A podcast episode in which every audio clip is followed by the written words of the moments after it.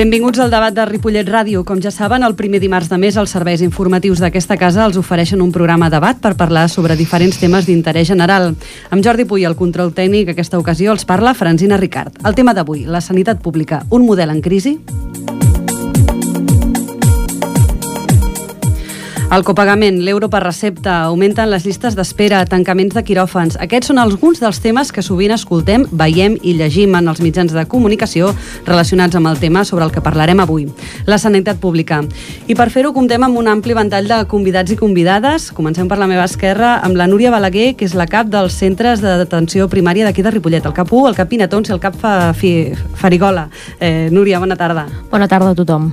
Al seu costat, el David Garcia, que és treballador de l'Hospital Parc Taulí, és tècnic en cures d'auxiliar d'infermeria dins del mateix hospital, treballa en el centre quirúrgic ambulatori, és exmembre del comitè d'empresa des de fa molts pocs dies i actualment és secretari d'Organització d'Economia al Vallès Occidental de la Unió Sindical Obrera de Catalunya. David, bona tarda. Bona tarda a tothom. També ens acompanya la regidora de Salut Pública de l'Ajuntament de Ripollet, de Gemma Edo. Gemma, bona tarda. Bona tarda. I finalment aquí a la meva dreta, la Imma Prat, de la Plataforma en Defensa de la Sanitat Pública i eh, infermera jubilada. Ah, molt bé. Sí, bona tarda. Doncs moltíssimes gràcies a tots d'entrada ja per començar, per venir a acceptar el repte del debat de Ripollet Ràdio amb un tema tan important i que tan preocupa la gent, als ripolletens i a la resta de ciutadans de Catalunya d'Espanya, com és la sanitat.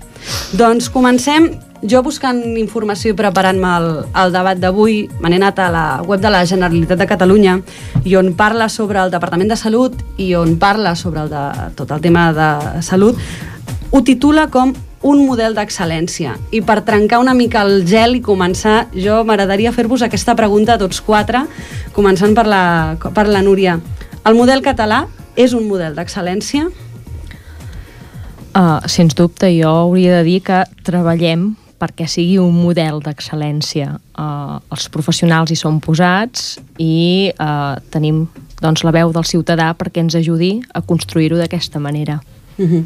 David, jo crec que també, sense dubte, és un model força, força potent i, i competitiu i de fet jo crec que el, eh, el fet de que empreses privades vulguin ficar ficar el dit aquí a la sanitat pública nostra vol dir que, que, que és efectiva o que pot ser més efectiva, no sé exactament.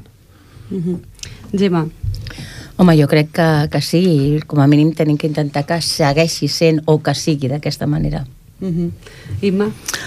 A veure, jo en aquest moment penso que no es pot dir que sigui un model d'excel·lència, penso que va ser-ho, con la reforma sanitària i tota la introducció de les àrees bàsiques, era un model d'excel·lència. I amb ganes de que ho fos. Vull dir, hi havia molta gent amb moltes ganes de treballar per aquest model. Els professionals s'hi van volcar i penso que, que va ser totalment excel·lent. Ara bé, des de que el model que, que nosaltres estem copiant és l'anglès, que ha començat tot el procés de privatització i aquí estem seguint a marxes forçades, penso que en aquest moment el que intenten és destruir aquest model d'excel·lència des de la gent que mana. Uh -huh. eh, podeu per intervindre sense por en qualsevol moment si alguna de les intervencions de qualsevol de les persones mm, sí, tallar-nos, no hi ha cap problema per això fem un debat jo agafo la intervenció de la Imma parlant de privatització, copagament són paraules poder a vegades molt complicades jo ho diré amb una frase molt clara haurem de pagar per anar al metge a Catalunya? estem anant cap a això? Jo diria que no, en aquests moments no uh, clar, el futur no sé si arribarem aquí o no arribarem. Uh, el que puc jo explicar des dels equips d'atenció primària és que uh, el que fem és per donar sanitat pública als ciutadans. Mm, és veritat que hi ha no. una situació que no sabem si seran a tots o no, però la nostra feina i el nostre objectiu seria treballar per tots. Clar, sí, sí, jo, jo entenc que molts professionals estan en aquesta línia que tu dius, però la voluntat política la fa anys, eh? És, és privatitzar. Jo no sé si pagarem tot molt aviat, però tard o d'hora pagarem, perquè el procés no s'atura. Això la crisi ha coincidit en el moment, però aquest procés ja porta temps no? que, que s'està gestant i des de que van privatitzar l'ICS van fer com, bueno, no és privatitzar és fer empresa pública l'ICS la intenció que hi havia era dividir l'ICS en 21 empreses, això es porta dient molt temps i s'acabarà fent perquè és un model que, que està doncs, a la cartera i al pensament de, dels que ens governen. Penso jo, que és la meva opinió. Jo penso que és una fulla de ruta molt ben elaborada, tot el que està succeint a la sanitat eh, des d'ara de de fa anys enrere, que tot va encaminat a que tard o d'hora eh, tingui que haver-hi un canvi de sistema sanitari i en aquest aspecte penso que, que el full de ruta que té en aquest moment la Generalitat eh, va en aquest sentit. Uh, no podem passar per alt uh, privatitzacions ja que hi ha com a de serveis hospitalaris o de, de CAPs, com, a, com és el cas de, de, de l'escala. Jo penso que són proves que van fent i que encara, tot i que no es tingui ben clar quin serà el futur de la nostra sanitat, Uh, hi han informes i s'han demanat informes com els que ja han aparegut en premsa com els de la Whiter Price aquest, uh, o uh, també hi va haver-hi un, un consell de un consell de, que treballa per la Generalitat un, uns senyors que, que van elaborar també un informe que parlaven de, de copiar el model holandès o el model britànic. O bé fer un, un 50-50 de tots dos models i, i el que tenim a dia d'avui clar és que caixa no hi ha. És que jo no sé exactament com serà, amb, per exemple, el tema de les farmàcies ho tenim molt clar, que, que l'endarreriment que estan patint a l'hora de cobrar és el mateix endarreriment que estem patint els professionals de la sanitat. Nosaltres eh, portem un any gairebé que és el dia 30 o 31 de, de més quan sapiguem si arribarà la nòmina o no arribarà la nòmina perquè la Generalitat no ingressa els calés a temps o perquè no ingressa tota la quantitat que tindria que ingressar i és la direcció de l'hospital, jo parlo des del meu hospital, eh? que té que fer doncs, doncs, totes les coses que pugui fer per intentar cobrir les nòmines. Però tots sabem que, que la Generalitat calés no en té. Ho han dit diverses vegades, ho han dit molt, moltes vegades, sabem que no en té. També anem entre aquesta crisi també parlo com, com, com institució, l'Ajuntament. L'Ajuntament també va molt just, i ho sabem tots, que va molt just, pràcticament molt, molt, molt just a vegades, i llavors eh, quan tu veus que no t'arriben els cèntims d'on t'han d'arribar, és molt difícil poder pagar el de, el de més. Això és el que crec que, que ara està passant. És un, és un problema molt gros, un problema que tenim totes les institucions i, i dona a veure, no és la casualitat d'allò, però si un no paga, no pots pagar el següent i no pots pagar l'altre perquè els ingressos que tens no són suficients com per poder pagar tot el que estàs tenint en aquest moment amb, amb nòmina. Jo el que puc explicar des de l'Institut Català de Salut, que abans ha sigut anomenat, és que sí que el que ha fet l'organització és traspassar molt aquest control de l'eficiència dels recursos en els propis equips, quan més a prop està de la part del servei al ciutadà, a vegades és més fàcil també prioritzar o organitzar-se.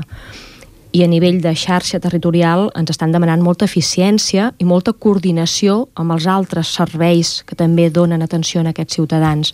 Per exemple, la comunicació amb l'Hospital Taulí cada vegada és més necessària i quasi, quasi obligatòria perquè no repetim proves, perquè els ciutadans no hagin de fer viatges, que alguna vegada encara els fan, eh?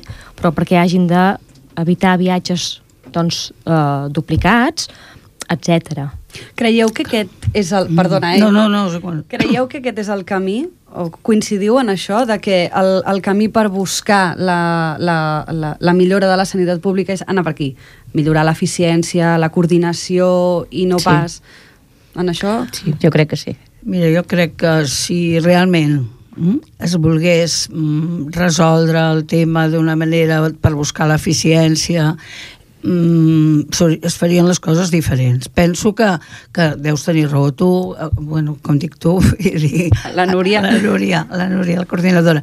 Que, que des, és que des dels professionals jo crec que hi ha molt bona voluntat i moltes ganes. Però eh, les dades diuen no? que, que assistència primària no l'estan potenciant al revés. Per què? Perquè el model va hospitalari. Eh, és que, veure, clar, jo dic unes coses perquè les he llegides i perquè he treballat amb gent que, que ho està estudiant, vull dir, no és que ara m'ho tregui de la màniga, i està, tot això està documentat, la gent ho pot buscar, això de, de repartir l'ICS amb 21 empresa petita, això està documentat perquè més el Bui ho ha dit, i vull dir que no és una cosa que... I penso que tot el... això que no hi ha diners, és com això, de si és una crisi o és una estafa, és un moment conjuntural que s'aprofita per fer reformes profundes i, i els va molt bé dir que no hi ha diners, però els diners que es gasten en farmàcia, en puestos burocràtics, diners que se n'han anat per on havien, no havien d'anar, no, jo no crec que es vagi, vull dir que, que es vagi cap a buscar una eficiència. Serà una eficiència vista des de la gestió privada. I llavors la gestió privada fa beneficis, no, no fa una, una sanitat per tothom, igualitària, que és el valor de la sanitat nostra que tenim en aquest moment, no? Ja comencen a aplicar coses contra la gent que no tindrà eh, la cartilla sanitària, vull dir, ha començat a Catalunya unes mesures que començaven la ahir. Imma se m'embala, la Imma Sí, se m'embala sí. dels Sí, temes perdona, i, perdona. i, i m'estru- m- Perdoneu, em perdoneu. reestructura el tema. Parlant de tot això del tema de la coordinació i la privatització, um, aquí a Ripollet conviuen els dos models des de fa molt de temps al públic, ai, al, al públic, evidentment amb la presència dels CAPs, i després tenim la presència de clíniques privades amb una consolidació molt forta i a mm. més amb, una, amb un ús i una presència bueno, que fins mm -hmm. i tot, tot per tots és coneguda la elevada saturació amb la que es, amb la que es troben. Abans de començar el debat comentàvem amb la, amb la Núria mm, la- la- mm, l'existència dels dos models, del públic i del privat. Evidentment tu em deies, jo, clar, jo defensaré la, la, la, la presència del, del, del públic. Jo sempre el que diré és que eh, tenim una història en el nostre país que no es pot oblidar. Mm, el que hi hagi existit un, un sistema privat també ha permès una llibertat a la nostra societat a triar què vol lliurement. Ara, el que no podem oblidar és que el servei públic, la sanitat pública, ha de subsistir, ha d'existir, perquè és per tots. També fins i tot per aquests que en un moment determinat han triat el servei privat en un moment de la seva vida. Uh, És que... Qui té dret a anar a tothom és el servei públic i per aquest l'hem de vetllar, cuidar i fer créixer. Però és que pel bé de tots. Com, com creieu que ha afectat la crisi? I com creieu que fins i tot... Clar, si estem parlant de que la sanitat pública vol tendir a un copagament, a una privatització, el sector privat on queda? Bueno, no vull tornar a No, a veure, jo, jo el que sí que, que estic dient que, vale, si no on queda, no, no sé ben bé on queda, però el que sí que estic molta gent eh, de, de sempre ha pensat que els privats sempre són molt més bons que el públic. La gent. Ja dic, la, dels- la creença popular... Lo dels tòpics que parlàvem Exacte, al els principi. tòpics d'allò. Sempre, a veure, de, no, no, és que vaig al privat perquè m'ho fan més bé. Però quan tens de- un de- problema greu, perdona... Se'n van al públic. Van al públic. Sí, sí, sí. No, no, és que és així. Però, no, no, és que és el que volia arribar, Sí, que la sí. gent Ah, va vale, perdona, d'aquest... és que mira. Però quan llavors necessiten, quan, quan allò diuen, van a dir, ah, és que m'han atès molt bé, és que és estrany, eh, que la, que la, seguretat social, com ho diuen, atén, atén bé, eh? Dic, um, ja fa molts anys eh, que atén bé, el que passa que tu que no t'havies donat compte. Aquest és el que la gent poc va tenint, i a poc a poc cada vegada va tendint més aquesta situació, a que molts que anaven a la privada van més, molt més a la salut pública. Això és jo el que volia dir. afegir, uh, no fa gaire setmanes em vaig trobar amb una pacient que va vindre a operar-se al nostre centre de, de la Luz Valgus, del, del famós Juanete. I aquesta senyora deia, ai, que, quina mala pata he tingut perquè jo tindria que haver poder anat a la clínica del Vallès perquè l'últim cop que em van fer l'altre peu eh, vaig estar allà i em van deixar ingressada. I, ostres, senyora, però si, si vostè l'han deixat aquí ingressada, això vol dir que, que hi ha hagut un gast més important, no? perquè a nosaltres quan fem els, aquest tipus d'intervenció el pacient se'n va cap a casa, se'n va amb el dolor controlat, amb, amb un... Bueno, un l'estómac és una, una via que va agafar del cos i li va fent perfusió de la- de l'analgèsia que, que necessita i precisa.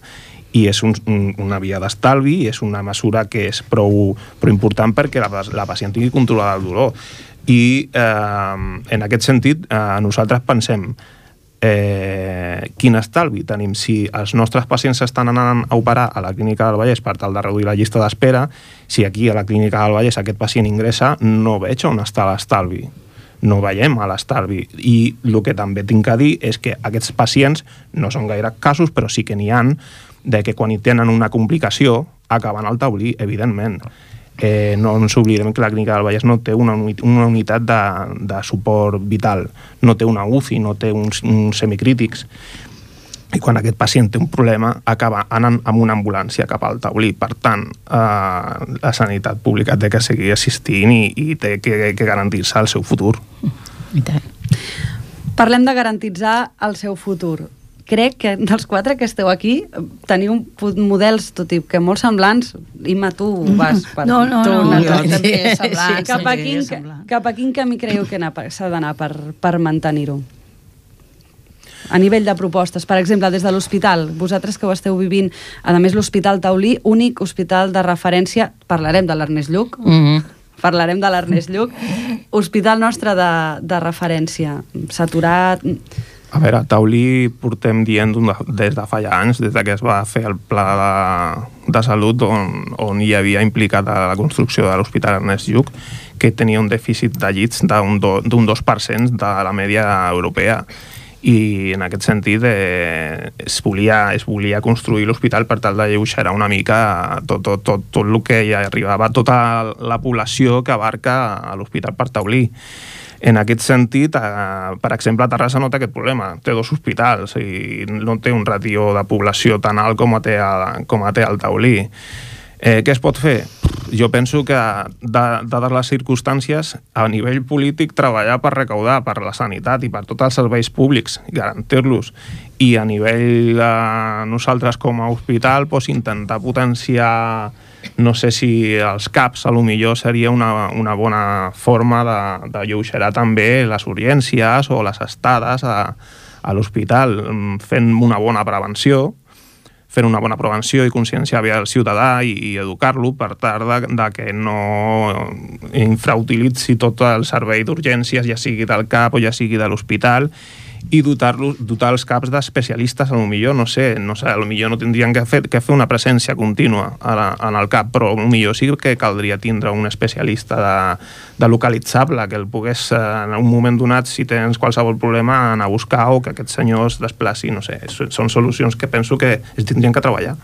Jo crec que des de la primària això s'ha treballat i molt. Eh? Uh, cada vegada més la primària demostra que és resolutiva, tot i la situació de retallades que tots estem vivint.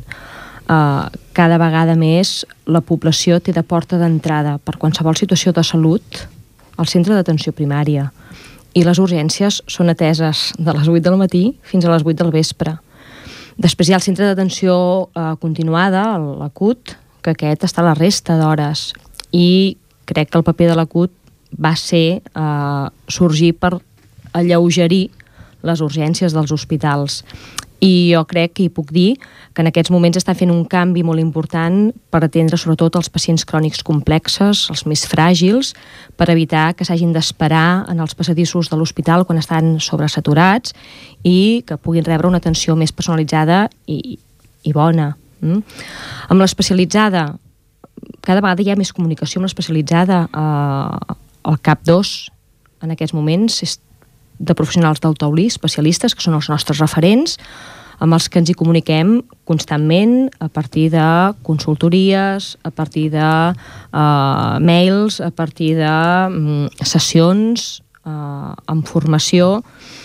Jo crec que una mica el que ens plantejava o ens demanava la Franzina, crec que també és molt important cada vegada tendir a fer l'organització o els processos més coherents i fàcils i que, a més a més, els coneguin tant els professionals com els ciutadans. Moltes vegades el que tenim és desconeixement i això dificulta.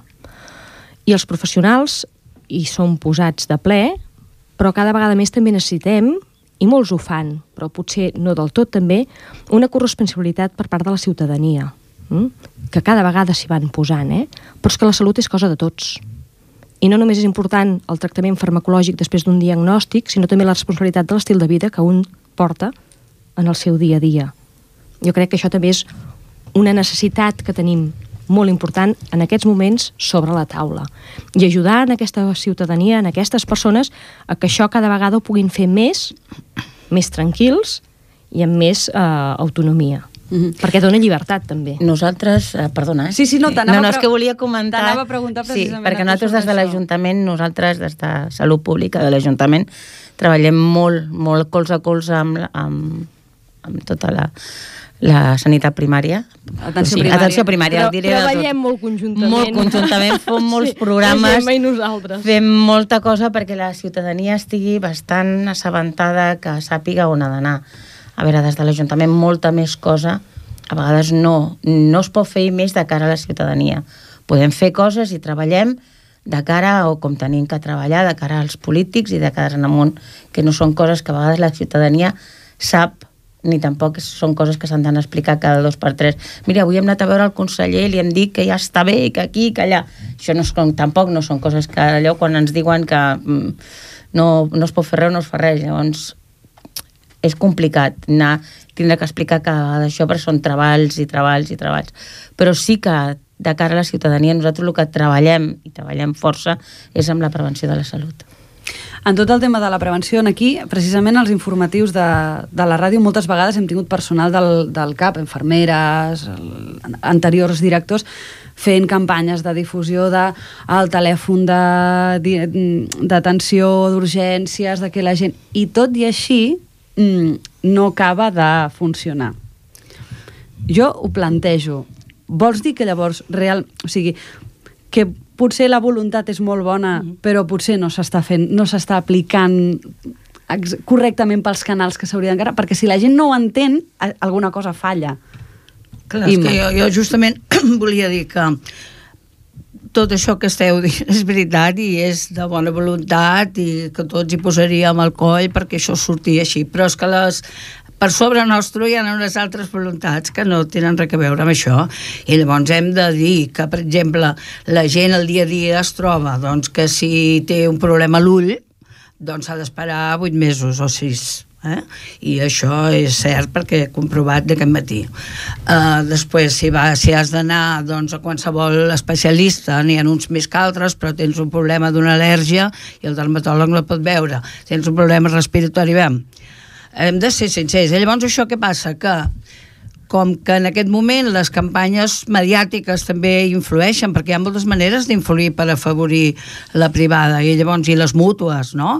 I llavors què passa? Que la gent, si no camines bé i et fa molt mal la cama, doncs acabes pagant. I si tens una catarata, perquè, escolta, això, nosaltres que, que estem a la plataforma i que connect, intentem connectar amb la gent, gent que té unes catarates, que, si, que és una operació senzilla i la fan esperar un any i mig, és una pena per aquella persona, no? I pagant-te la fan i és dos minuts. A veure, vull dir que tot això està sobre la taula i això la gent és el que viu. Que, nosaltres, que la primària ho vulgui i ho fa molt bé. Jo quan hi vaig estic contentíssima i ho fa molt bé. I molts professionals ho fan bé, però el problema és més de fons. El problema no ens podem enganyar. El problema és que això cada vegada anirà a menys i que les llistes d'espera aquestes ja estan estratègicament posades perquè, perquè això és el que dona que la gent vagi a la mútua, és que és tot aquest tinglado. I això a mi em sap greu ser la, com una mica l'aigua festes, però que la cosa no està per festes, vull dir que està la cosa jo la considero greu. Jo no sé si va tant a mútues, eh? que et puc dir que cada vegada tenim més Jo pressió. conec, vols que et digui quanta gent conec en del meu equips. entorn? Moltíssima. Bueno, per Clar. això et deia que hi havia, jo conec moltíssima gent que està passant a la pública. Eh, Mm, són no ho sé, diferents... no, mira. Bueno, bueno sí, sí. clar, Vol dir que tenim- el tenim teu gent per tot. No, no, però és Però que ja hi ha està. uns fets objectius. Tenim molts ciutadans. No, però hi ha uns El fets problema del, el, el, en, el tema, en el tema sanitari és, és veritat que sovint et trobes amb el, el de de l'entorn familiar, Clar. que hi ha de tot, entorn familiar, Sí. amics, conocidos, vull dir, tots tenim mm, situacions de, exactament el que deia la Imma, de gent que, pues, el que dèiem abans dels tòpics, de no, no, jo a la, jo a la pública no vaig perquè allà no s'entenen de res, jo vaig pagant i després, ostres, has de córrer i te'n porten a la Vall d'Hebron i solucionat el problema. Sí. Eh, bulos que surten, pues allò de que... Ara, per exemple, no fa massa, mm, va començar a córrer el bulo de la gent que se n'anava al cap, li deien que no la tenien, i aviam, sona una mica broma, i jo en això és, és, és, mm. que diu, és un tema molt seriós. És dir, ara corre el bulo de que hi ha gent que va a, la, a la, demanar atenció primària que li diuen que no té res i que es mor allà mateix. Això és un bulo que ha començat a córrer no fa massa i poder arriba el, arri, està arribant el moment de dir, bueno, mm, posem una miqueta el freno i, i per exemple, per exemple pensant en tots els professionals que em deia la Núria que estan treballant amb tota la bona voluntat i tot això. Sí, això per descomptat, jo també ho defenso, a més ho conec de prop i sé que però també sé que la medicina que està basada en que quan tens una cosa te'n vas d'urgències, que funciona molt bé, aquí la CUT molt bé, però jo tinc algunes amigues que li surt una al·lèrgia, van d'urgències perquè s'ofeguen, perquè clar, no és qualsevol cosa. I avui, tro avui trobes una, un professional, i et diu, mira, això vigila perquè pot ser del fetge, tal. Llavors, eh, torna a passar-li cap de quatre dies, un altre. Vull dir, no hi ha un bon seguiment. Per què? Perquè no hi ha les condicions, perquè, i, i sé jo que la gent treballa moltíssim a les àrees bàsiques, vull dir, perquè clar, si cada vegada tens menys gent, jo aquell matí he estat al cap dos i em deien, és clar, és que cada vegada són menys, no? Els hi entren les històries perquè estan informatitzades, però han quedat a quadro i han d'atendre la gent. Vull dir, a veure, que això és un fet, no el podem negar perquè és un fet, és un fet. I sí aquí... que estem en un moment de uh, reducció de plantilla, i això és un fet, ah, i a més a més ah. no es pot dir que no perquè això, tothom ho sap, sí, i a més a més afecta famílies de la ciutat. Eh? Mm, sí que és veritat que estem en un any que a més a més es reincorporen els de les últimes oposicions, vol dir que hi ha un canvi de plantillament i els professionals i les cares canvien. Uh, sí que és veritat que en certs moments, uh, per dificultats de cobertures, el que és el seguiment d'una mateixa cara no és la que hi havia fa un temps enrere i que això donava molta seguretat eh, en la ciutadania, en les persones, mm. però el que sí treballem internament amb organització és un problema agut, s'atén al moment i amb el sí, temps que cal per la persona més indicada en aquell moment la que està en disposició, perquè per organització és la que la, mm -hmm. està en disposició de fer-ho, i que els processos que necessiten un seguiment, intentar amb la mesura del possible que no canviï massa de cara. Eh? Ho intentem. Que és complex, que no sempre es pot assegurar. I parlo dels centres d'atenció primària. Eh? Uh, la CUT encara és més difícil perquè són plantilles totalment rotatòries, perquè tot l'equip d'atenció primària passa per l'acut a donar servei en el que és les urgències. Vol dir que el que assegures és l'atenció urgent, però no el seguiment, perquè és que és un servei d'urgències. Ara, des dels centres d'atenció primària, que aquí sí que fins ara havíem tingut un, una gran sort de poder tenir aquest seguiment d'un sol professional, un metge, una infermera, que s'intenta i s'espera amb un temps no massa llunyà, tornar a donar aquesta estabilitat. Però estem en un moment de l'any d'impàs i d'inestabilitat. M'agradaria posar dos temes sobre la taula arrel d'una de les intervencions que ha fet el David. Ell ha parlat, per un costat ha parlat de buscar eh, fons de recaptament, de, si no hi ha diners s'ha de recaptar d'alguna manera i, bueno, clar, surt tot el tema del, del copagament i un altre tema que ha sortit amb el tema de l'euro per recepta que ens el van posar, ara ens l'han tret perquè a Madrid ens ho han impugnat. Mm, creieu que és l'única opció que tenim des de les diferents Sí, no, no. A veure, jo ja et dic ara que no, que, que a veure, que sempre toca rascar-se la butxaca els mateixos, no? I que es podria fer una reforma profunda amb lo de farmàcia, que és un tema que també no s'ha dit molt i, i es parla molt, però en concret no s'ha fet res. I quan no, els genèrics, per exemple, hi havia molts metges que encara bueno, corria també aquestes històries que dius que corren, no? Mm. que no són igual de bons, que no, i no hi havia una bona informació per desmentir tot això, no? I segur que hi ha molts medicaments que no són necessaris, no? I, que so, i en canvi el que s'ha fet és treure'ls de, la, de la llista de Seguretat Social, bueno, per dir-ho així, no? Però que la gent se'ls torna a comprar perquè ningú els, hi, els informa de... Sembla que fem molta informació, però no en fem tanta, perquè la gent també li costa entendre. Sí, costa I, a la, molt. I a la tele, si, si teles públiques, no? I fan unes, unes propagandes de la privada i no sé què, que, que posa una mica els pèls de punta. I es podria estalviar per molt moltes altres coses, perquè a la millor reorganitzant bé tota la gent que és burocràcia pura que hi ha també dintre l'ICS i dintre el servei, es podria fer molta, molta feina en aquest sentit, abans d'arribar a que la gent tornem a pagar, no? Núria, tot això dels medicaments, que ara ho comentava, mm. tot el tema de... ha creat molt trasbals amb la gent? Perquè jo pel que... A la ha creat meva... trasbals a tothom. Els professionals, el, les persones eh, que s'atenen i que estan, tenen la medicació prescrita i a les farmàcies. Avui no són aquí presents, però en certs moments ells també ho han basat molt malament. I no, no, ni els defenso ni els defenso. Uh, era un procés molt burocratitzat i que dificultava molt uh, l'accessibilitat als fàrmacs. Per què no es pot eh, eh, receptar la quantitat que es necessita? És a dir, per què m'he de... Perquè les farmacèutiques que una diu la? Teresa Forcades vindrien totes... No pot ser, no, és que són un poder...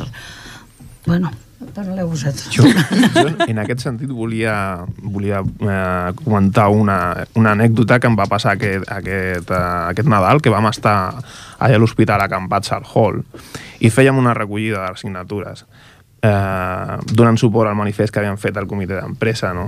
eh, posant de manifest les retallades que patíem a la sanitat, tant com a treballadors com a usuaris, i també sobre la recaptació de l'euro per recepta.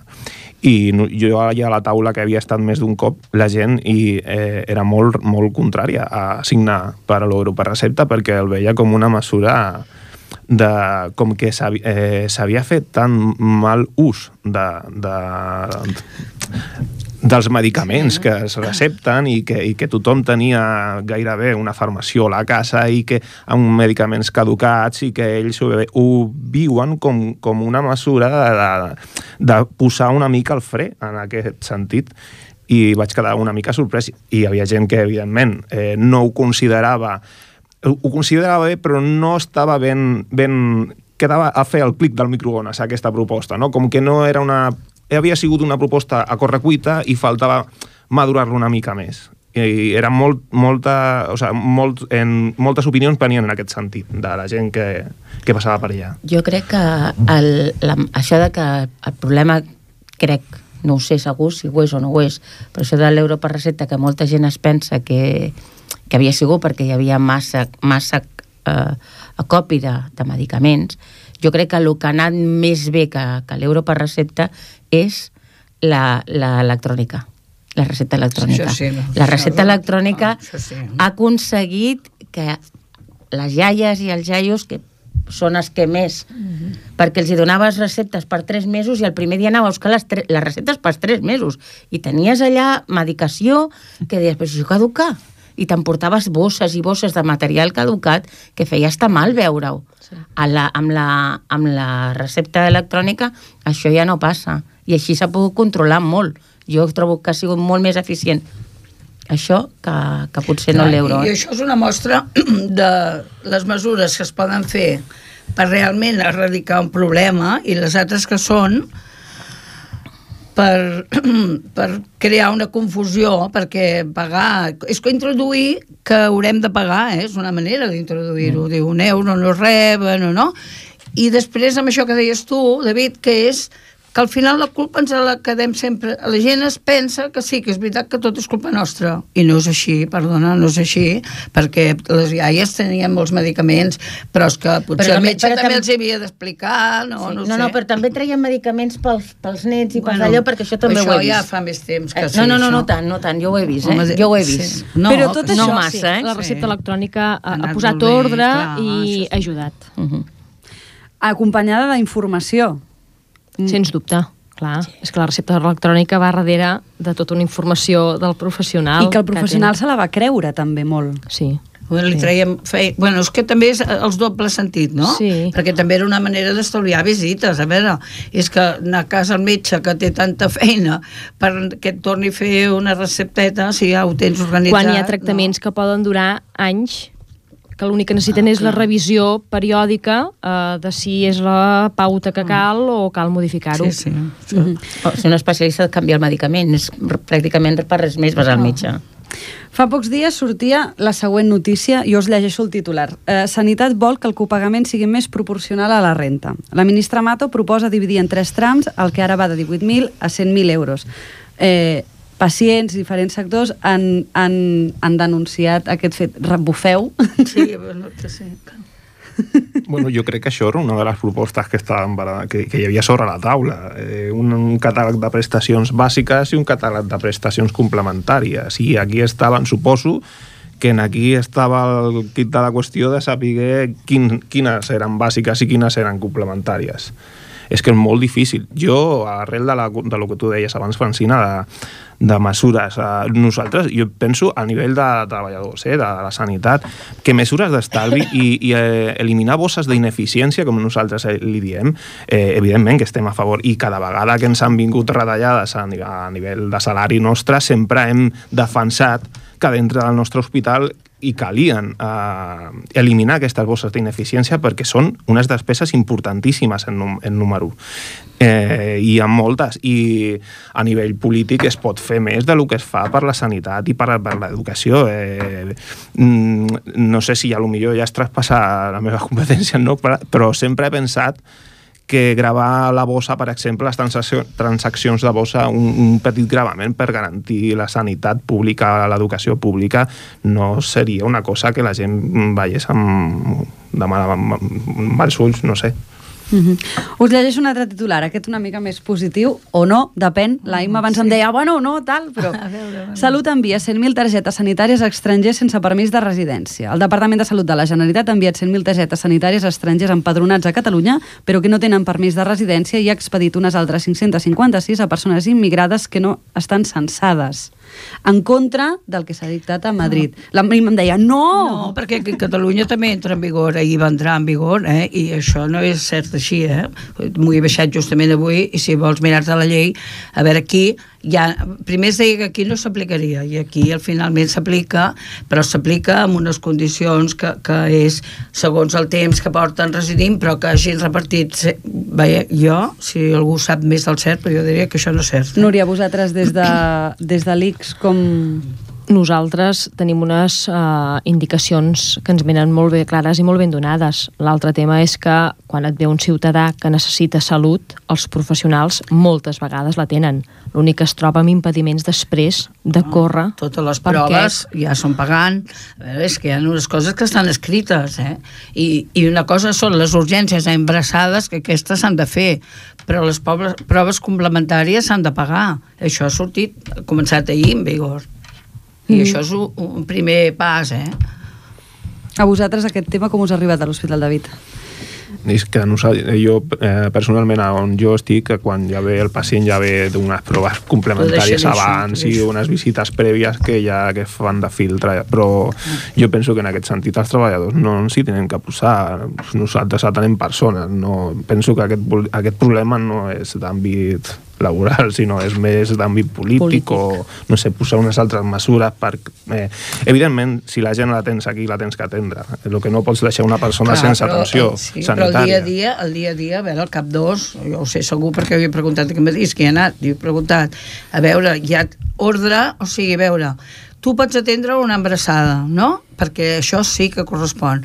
Però segons quin tipus de persona li has d'informar que, li, que, que haurà de pagar i el professional hi ha tot una corrent, una gent que s'ha declarat objecció de, objector de consciència sobre aquest tema i alguns doncs es farà una campanya i la gent farà objecció però la llei és no? vull dir que que el professional d'alguna manera li passen la pilota a ell. Correcte, ara, això saps? és el que anava a dir. No. És, és un greuge més a l'atenció, o sigui, o sigui, posar un pal més a la roda a l'hora d'atendre un pacient. Jo aquí sí que m'agradaria donar una fletxa positiva a l'Ajuntament, que en molts moments ens ve a demanar suport a nosaltres per poder col·laborar amb persones de risc d'exclusió social i amb persones que necessiten i quan hi ha una necessitat de salut eh, les nostres intervencions a nivell comunitari hi som, mm -hmm. treballem conjuntament. Sí. Aquí sí que crec que val la pena a la ciutat de Ripollet poder-ho explicar. Ah. Sí, no, no, sí, i, que... quan, i quan hi ha una necessitat, hi ha una urgència i no hi ha d'allò, i si s'ha de fer, si s'ha de pagar, s'ha pagat des de l'Ajuntament. Vull dir que no, sí. amb això no ha vingut cap ningú a... Pa... A veure, una cosa, estem parlant d'una cosa greu, una cosa... No. No, I, i després... Veure, és que això comença ahir, eh? Hi ha, uns, hi ha uns altres professionals que són vitals, que són els treballadors uh, socials uh, que treballen també coordinadament entre l'Ajuntament i sí, sí, els sí. centres d'atenció primària per intentar donar resposta a aquestes persones que ho necessiten. Yeah.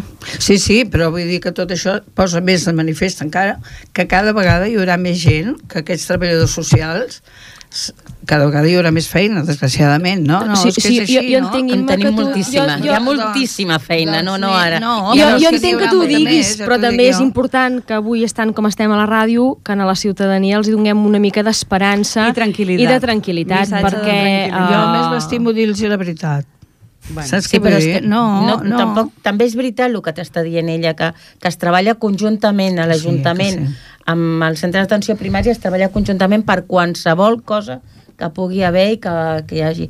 Tant per donar notícies de qualsevol tipus, eh, informes de qualsevol altra, eh, emergències de qualsevol cosa. Vull dir, estem treballant conjuntament perquè no hi hagi una una separació ni diguéssim, bueno, tu per un cantó i jo per l'altre, no, sinó que Evitar fa molt de temps fractures. que estem treballant així. No, no, amb això us felicito. Gemma, Però a nivell, san, a nivell de salut pública, la gent ha de saber que els ajuntaments no tenen cap tipus de competència. No, no, no, no jo, a, a veure, jo vaig parlant de d'allò, però l'Ajuntament no que té re- cap tipus de competències amb la sanitat. No té cap. Que tra podem treballar perquè hi ha perquè a l'hospital i hem anat a parlar per l'hospital o perquè hi ha un problema amb un cap o perquè d'allò, parlem. Però no és competència de l'Ajuntament cap tipus de que, jo, jo us ho dic perquè no és, de que, de, que, de que el CAP estigui tancat o estigui obert, de que hi hagi metges o no hi hagi metges, Però, però sí que és veritat que moltes però nosaltres vegades intervenim. Nosaltres intervenim, però no és competència. Jo vull deixar-ho molt clar perquè No, a vegades però- ens venen a dir clar, és que el médico ha dicho que no me quiere atender. Dic, vale, molt bé, mm, jo portaré a on hagi de portar-ho, però no sóc jo qui he de, de treballar amb aquest Clar, tema. però Gemma, jo penso que certament que legalment no hi ha competències i l'ICS és l'ICS i vosaltres feu la gestió. Sí. Però amb problemes greus que atanyen a la ciutadania, jo penso que, que teniu una responsabilitat, per exemple, que hi hagin aquestes llistes d'espera i que l'Ajuntament es posés davant i que fes una A veure. pressió i que acompanyés a la gent que, que, que es mou, jo crec que és important. L'Ajuntament, ja, jo dic que l'Ajuntament ja ha treballat i l'Ajuntament està treballant per tot això. Està treballant i, eh, i treballem. El que passa que ho treballem de la manera que te- creiem que tenim que treballar-ho. Això per Potser és una tasca més silenciosa. Exacte, no és una tasca que, que és el que comentava, no serà allò que direm, doncs mira, avui hem tingut cinc reunions sobre aquest tema o hem tingut deu reunions sobre aquest altre. No. Sí, però no. és un moment de reclamar molta transparència, també, perquè si es fa, doncs que s'expliqui, i nosaltres alguna vegada que ens hem adreçat, la resposta ha sigut no, Clar, és, no és competència nostra. Clar, és que hi ha coses que nosaltres no les podem dir, us diem directament, Bueno, no, allà on podeu, on podeu anar-hi. Els diners són públics i tu Falten- fas un càrrec públic, és que Falten, no sé. falten 10 minuts per Ai, les 8, que és l'hora d'acabar, i a mi m'agradaria estar... Acabar en pau. És- Exacte, exacte, i dèiem que era una conversa... Sí, no, no sé, però mira, jo No, jo, jo crec que l'actitud de vigilància i l'actitud d'intentar eh, detectar, preveure, actuar i és, eh, sobretot, la xarxa amb l'Ajuntament, la xarxa de treball conjunt amb les farmàcies. Quantes vegades des de la mateixa farmàcia hem detectat algun cas mm, de eh, no prou assistència o de deixadesa o de solitud. Mm, la situació política és una, la situació econòmica n'és una altra, però sí que és veritat que els que estem en aquests moments en actiu eh, no podem baixar gens la guàrdia, perquè serà competència o no, ho farem de la millor manera o no, però eh, intentem al màxim eh, potenciar les poques fortaleses que tenim i intentar facilitar en a la població mm, certes situacions que els limiten doncs això, la política, l'economia mm, que se'ns escapen a vegades de les mans en el dia a dia dels que estem al peu del canó. Suposo que serien dos temes diferents. El David també m'ho deia, diu, una cosa són el que poder els polítics que gestionen, que decideixen, i una altra cosa és la nostra tasca del dia a dia que, i els casos particulars, potser, perquè amb el tema de sanitat sovint et trobes molt amb la discussió del cas particular d'aquella persona que va anar al CAP 2 i no el van atendre bé, o se'n va anar al CAP Pinatons i li van dir no aquí tal. Jo me'n recordo quan, quan es va inaugurar el CAP Pinatons, que vaig anar a una roda de premsa amb la regidora de Salut Pública a presentar i jo li vaig fer una pregunta que era no tindrem pediatre al CAP Pinatons? I la Gemma em va explicar no, no tindrem pediatre, el pediatre seguirà al CAP 1. I arrel d'aquí, doncs, un pregunta, i una de les coses que es deia és que no hi havia pediatres. No n'hi han. no hi ha metges. Llavors, jo avui... O sigui, això és un Hi ha bulo- pocs pediatres. És, Són difícils de trobar. és veritat. Sí. I, I, per exemple, Sí. tot el tema d'enfermera. És veritat que falta professional? En aquests moments, metges i infermeres no en falten. El que s'han és- s'estan és reajustant molt les plantilles. Ara, pediatres sí. Segueixen faltant pediatres. Bueno, és una I això és el que fa que a nivell organitzatiu centralitzem serveis, perquè al tenir tots els pediatres junts, primer que mm, potencies que ells creixin professionalment, perquè poden treballar casos clínics i es poden intercanviar eh, doncs, eh, coneixements, i després assegures la sostenibilitat del sistema, que aquell eh, servei et quedi cobert, perquè si en un centre tens un sol pediatre i aquest doncs, o se't posa malalt o té uns dies de vacances, ja no el pots cobrir, aquest servei. En canvi, amb més professionals, eh, assegures que la població estigui tesa. Però això, en canvi, és una cosa que molesta molt a la gent. Sí, però és una mica el que demanàvem en aquests moments. La centralització de serveis eh, és per poder assegurar el servei, la qualitat i l'atenció, i això sí, demana un pèl de suport o de col·laboració ciutadana amb el desplaçament. Uh -huh. Un altre tema és el dels equipaments. Abans dèiem, el famós Hospital Ernest Lluc, aquí fa anys que Ajuntament, entitats, ciutadans, eh, a, a, a, suposo que fins i tot a l'Hospital Tabalí esteu dient per favor, Per que, els hi, favor. po- per favor Sí, sí. que els hi posin a l'hospital. Eh, Gemma, ens pots dir alguna cosa? Malament, ja ens ho imaginem, però mm, la situació suposo que segueix igual, parada, gelada... Sí, està parada. Eh, segons les últimes reunions que es van tindre, i no fan tant, sobre aquest tema ens van dir que eren un dels que estava primer de la llista, dic, molt bé, està molt bé que estigui el primer de la llista, però quan es farà? I no tenim ni idea de quan es farà, ni quan tenen pensat fer-ho, ni com d'allò. Així està la situació en aquest moment. Imma, vosaltres heu lluitat fins a la societat per Sí, aquest hospital nosaltres també. ara estem en un moment que el que no volem de cap manera és que sigui un hospital privat gestionat pel Capio que és la proposta que hi ha. Llavors, eh, nosaltres de moment hem dit que es reestructuri l'hospital de Terrassa, ai, la, com es diu aquell, el, el General de Catalunya, hi ha plantes tancades, al Taulí hi ha plantes tancades i el que s'ha de fer, i l'Hospital de Sabadell també és privat, per tant, fem una reestructuració, nosaltres un hospital no el defensarem de gestió privada com a plataforma, eh, la gent que faci el que vulgui. Nosaltres no solament vam tindre al revés de que no es construís, sinó que a més a més eh, hem vist com s'han tancat quiròfans i s'han tancat plantes i, i intervencions quirúrgiques i estem parlant de, de, de moltes intervencions quirúrgiques que s'han derivat a una clínica privada. En aquest sentit hem, hem fet dos passes enrere i ho, vam, ho, ho veiem una mica... Des de la primària poc puc dir. Però Però- és un tema molt Clar, és molt concret de... dins d'ells, hospitalari. Mm. Uh, sens dubte.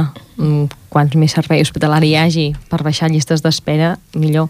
Ara, jo sempre dic, la sostenibilitat és important. Ara obrir un centre nou, uh, quan n'hi ha d'altres que ja costa mantenir-los, potser que ens ho pensem dues vegades. Per, perquè aquest és, eh, bueno, és un de, dels motius que ens donen de que no, ni el faran. Primer perquè fer-lo ja són molts, molts calés, però mantenir-lo són molts més. Molts mentre més. es podien fer vivendes era un projecte interessant, ara com que vivendes no se'n venen. És que en el fons tot, és, tot gira el mateix, eh? Jo avui dec tenir la tarda girada, però, que, però és que la veritat és que tot gira el mateix entorn de fer negoci, el negoci, no?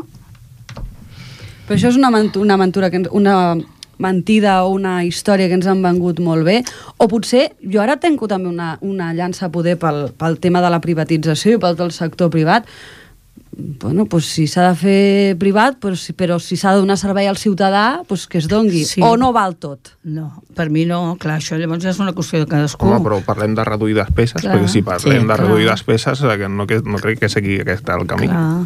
Eh, O sigui, és contradictori amb, la, amb el que ens expliquen a nivell dels polítics, no? Seria contradictori, perquè si hem de reduir, però per part, jo defenso una sanitat per tothom, equitativa, que tothom pugui, pugui anar.